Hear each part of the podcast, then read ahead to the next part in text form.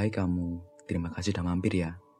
Aku Rangga akan menemani rutinitasmu dengan berbagai bahasa ringan dan mendalam di podcast bernama Ruang Imajiner.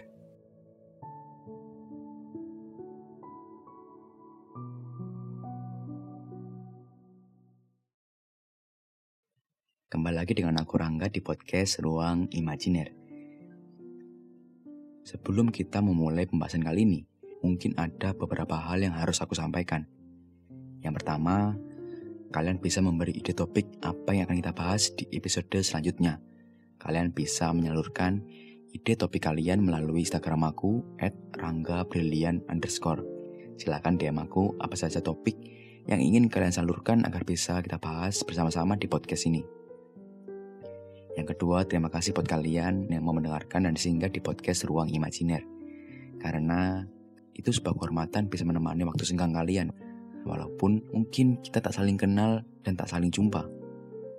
Aku harap dengan adanya podcast ini, kita bisa menjadi lebih dekat dan memahami satu sama lain. Jadi untuk episode ketiga kali ini mungkin ada dua hal sekaligus yang akan aku bicarakan. Yang pertama adalah bucin, dan yang kedua adalah belajar untuk merelakan. Alasan aku membahas kedua hal ini sekaligus karena Menurutku kedua hal ini memiliki kesinambungan antara satu sama lain. Bucin. Mungkin kata itu terdengar tak asing di telinga kita sejak era modern ini. Mungkin pengertian bucin bila kamu tanya pendapatku, aku akan mengatakan jika bucin adalah suatu perasaan yang berlebih pada seseorang, membuat kamu melakukan segalanya untuk orang itu.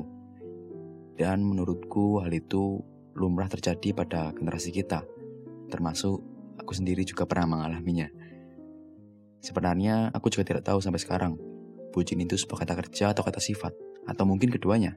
Tetapi, ketika rasa itu tumbuh, kita menjadi buta dan menggila, merelakan dan melakukan segalanya untuk seseorang yang membuatmu yakin padanya. Mungkin aku kasih contoh aja ya. Misal nih, kamu mengorbankan hubungan antara kamu dengan teman atau sahabatmu demi seseorang yang kamu suka atau mungkin pasanganmu mengorbankan aktivitasmu yang dulu biasa kamu lakukan dan menggantinya dengan sering menghabiskan waktumu dengan dia.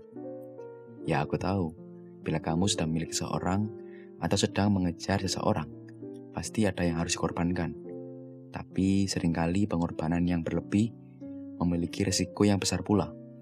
Ketika kamu sudah berekspektasi terlalu tinggi dan kamu kemudian sadar bahwa yang sebenarnya terjadi tidak sesuai dengan ekspektasimu, rasanya pasti sakit sekali. Bucin adalah tentang keberuntungan.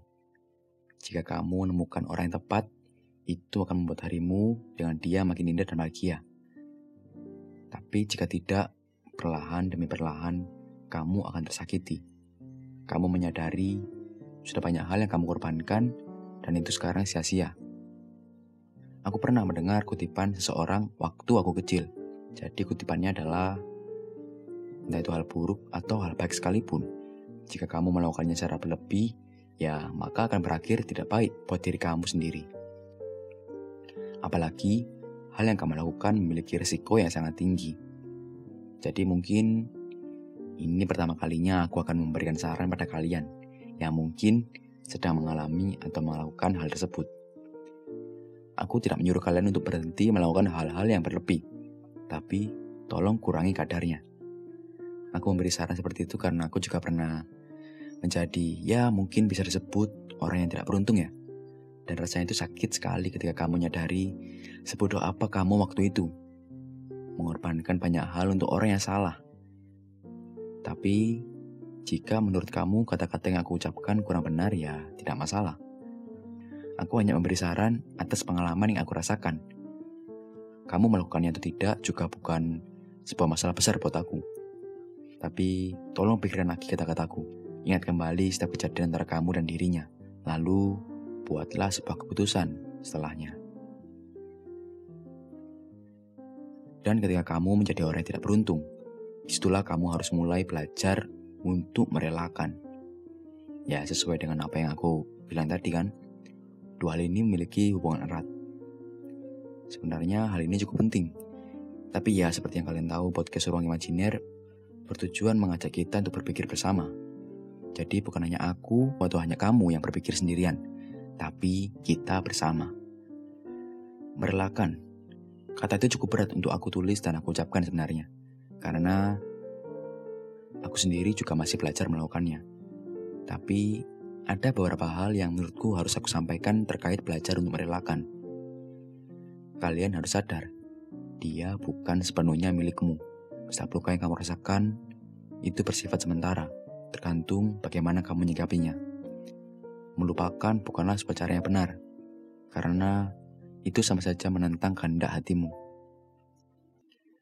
Merelakan apa yang sudah terjadi, karena semua yang kita alami dan rasakan itu hanya bersifat sementara.